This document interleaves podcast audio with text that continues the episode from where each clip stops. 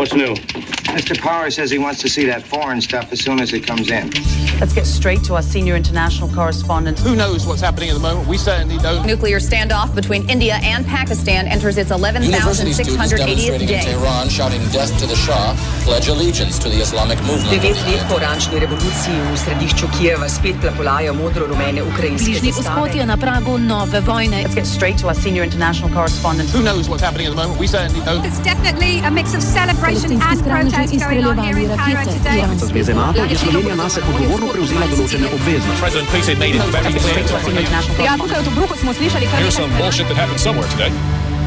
According to a high official, it is believed a foreign correspondent. I could get more news out of Europe looking in a crystal ball. Off side.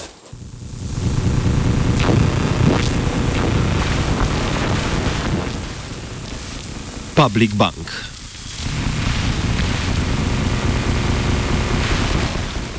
Ukrajinska vlada je nacionalizirala največjo tamkajšnjo banko, Privatbank. Ta je bila dosedaj v večinski lasti oligarhov Genadija Bogolugova in Igorja Kolomojskega. Kolmolojskega. Kolomojskega. Predvsem slednji je banko uporabljal za financiranje svojega obsežnega poslovnega imperija, ki vključuje več letalskih in medijskih družb. Za potrebe stabilnosti bančnega sistema in gospodarstva nasploh je vlada od Kolomojskega zahtevala, da naj dokapitalizira banko iz lastnih sredstev, kar pa je ta zavrnil.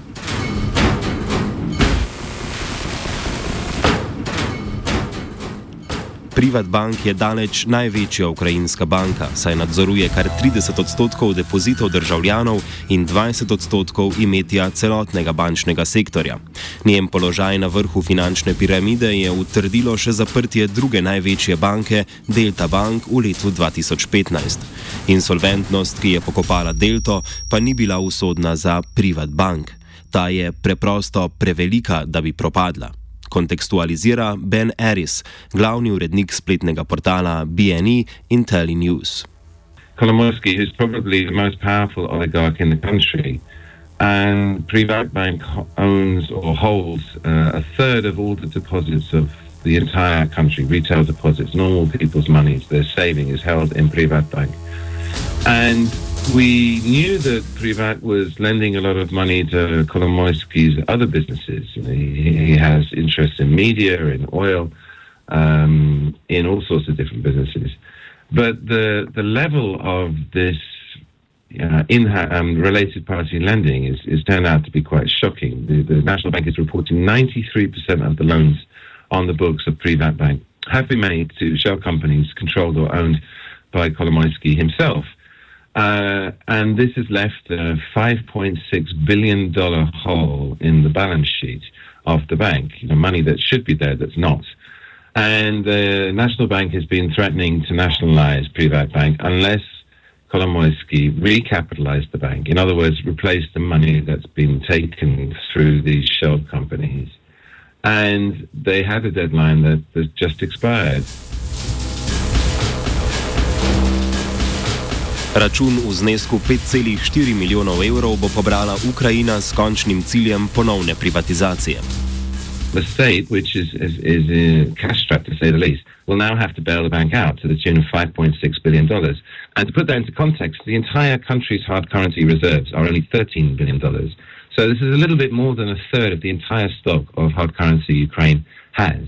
And the proposal on the table is to issue treasury bonds, 30-year treasury bonds. So they're going to sort of kick this down the um, down the road in order to buy themselves time to sort the bank out. The EBRD has already offered to come in and help manage the bank. A former finance minister has been appointed as the CEO of the bank, and they're going to try and fix its problems, um, clean up the books, and then sell it, privatize it. Nacionalizacijo so že javno podprli predstavniki Mednarodnega denarnega sklada in Evropske banke za obnovo in razvoj. Eris podrobneje razloži načrte vlade. The bank is going to be bailed out um, by the issuing of, of long term bonds, 30 year bonds. So these bonds don't mature for 30 years, which basically kicks the can down the road. But of course, the bonds themselves are treasury bonds, and so therefore they are tradable. And in the banking sector can be used for collateral in repos with the central bank and can be turned into cash um, you know, when it's needed. Uh, and I think that's the point that the, the government doesn't give actual cash, hryvnia or dollars to Privat Bank. It gives these bonds. So that if Privat Bank comes and says, I need some liquidity um, on the order of, you know, 100 million uh, or whatever it is, then they can swap the bonds for that liquidity from the central bank and the bank can keep the funding needs of the bank to keep it liquid down to a minimum in terms of actual hard cash that it has to give. And in this sense, it's quite an elegant solution. And ultimately, these bonds will, will mature after 30 years. But 30 years is, is a you know it's longer than the independent Ukraine has been around.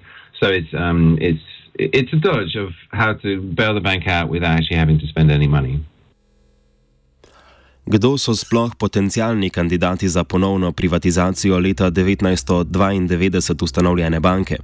Kljub velikemu portfelju in podružnicam v Latviji, Italiji, na Cipru in na Portugalskem, velikega interesa za njo ni pričakovati.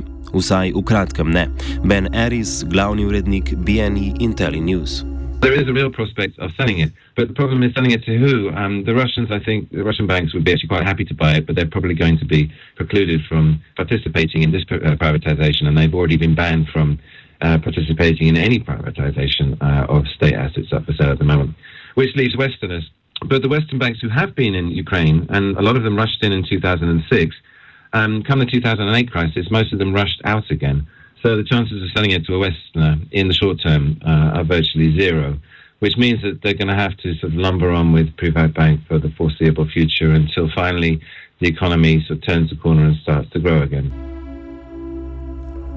Politična dimenzija tega prevzema se še razkriva. Novi predsednik banke, strani vlade nastavljeni Aleksandr Šlapak, se zdi kot brezkompromisni kandidat. Eris oriše politično ozadje dogajanja.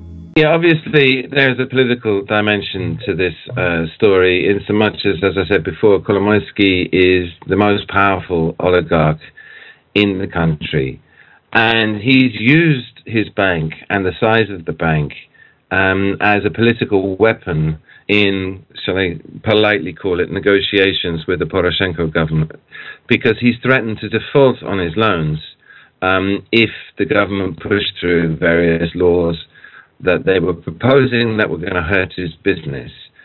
And you can take this as um, an attack on Kolomoisky in so much as this is a huge asset which is worth billions of dollars.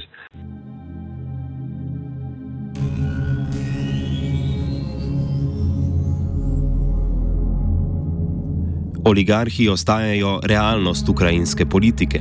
Eris se sprašuje, ali ne gre vendarle za napoved vojne proti Kolomojskemu. Ta je bil po Euromajdanu in začetku spopadov na vzhodu Ukrajine strani ukrajinskega predsednika Petra Porošenka imenovan za guvernerja Dnipropetrovska, a bil nakladno odstranjen z položaja zaradi sporov s centralnimi oblastmi. Does this mean that um, Kolomoisky has been pushed out? Of the country altogether. Does this mean that the government is now launching an aggressive attack on his assets and will perhaps privatize other things? Because it's possible that the, the government will bring charges in so much as these these schemes, these this removal of, of the money from the bank by these related party lending uh, to to shell companies could be deemed to be illegal, and if it goes to them, then you, you've effectively started a war between Poroshenko administration and the biggest, most powerful oligarch in the country. And you have to remember that Kolomoisky um, was a regional governor, governor until recently. And during the worst of the fighting um, against the pro-Russia rebels in the east, that, that Kolomoisky um, put together and financed his own militia, an armed militia. And if this fight gets nasty, that militia is still sitting around. There's guys with guns that he controls. Um, and so if this goes wrong, it could go extremely wrong. So this is a very delicate point in the story to see what happens. Having said that, though, the government does need to clear the oligarchs out of politics. And Putin played the same game when he took over. The first thing he did was throw some oligarchs in jail and um, threaten the rest and took control of the political process back from the oligarchs. And Ukraine hasn't done that. And it does need to do that. And this nationalization of Privatbank could be the first step on that road, which would be good news. But as I say, it comes with enormous risks. Kljub sporom s Porošenkom je Kolomojski še vedno aktiven podpornik prostovoljskih enot, ki se borijo proti proruskim separatistom. Kljub nedavnemu porastu spopadov in žrtev na vzhodu Ukrajine je ta konflikt dosti manj intenziven kot še pred nekaj leti. So um, it does mean that Poroshenko has the political space, you know, to take on an oligarch because um, he doesn't need to focus on the the military conflict because it's at a, a, relatively low key level at the moment, which is maybe why he's chosen now to do this, um, to, to nationalise Privat Bank and to, to start this fight with, with one of the major oligarchs, if indeed that's what's going on. Stran od bojišč na vzhodu že dalj časa poteka proces bančništva, urejanja bančništva v Ukrajini, kjer je še pred dvema letoma delovalo 180 bank, danes pa jih deluje le še okoli 100.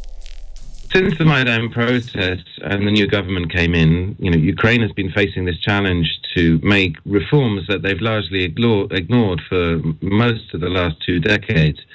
And progress has been slow. Uh, however, in the banking sector, this is the one sector where actually um, reforms have been effective and moving forward. And really quite impressive. The National Bank of Ukraine has been shuttering uh, some 80 banks in the last two years. And most of these were small banks set up um, mainly as scams. They were, you know, de facto treasury operations for large business groups rather than banks, um, they, which they were using to move their money uh, offshore or um, get access to cheap finance from the central bank, which was then used within the group rather than as a banking business. And it's a cleanup of the sector that's really been quite impressive. Um, several of the large banks connected to powerful oligarchs, such as Delta Bank, a retail bank, have been closed down. Kako je delovala večina zdaj že pokojnih bank, razloži in s tem današnji offside zaključi Ben Harris. That these banks are collecting depositors' money and then through insider trading or setting up related party um, loans and lending money to shell companies, this money is effectively being stolen and taken offshore.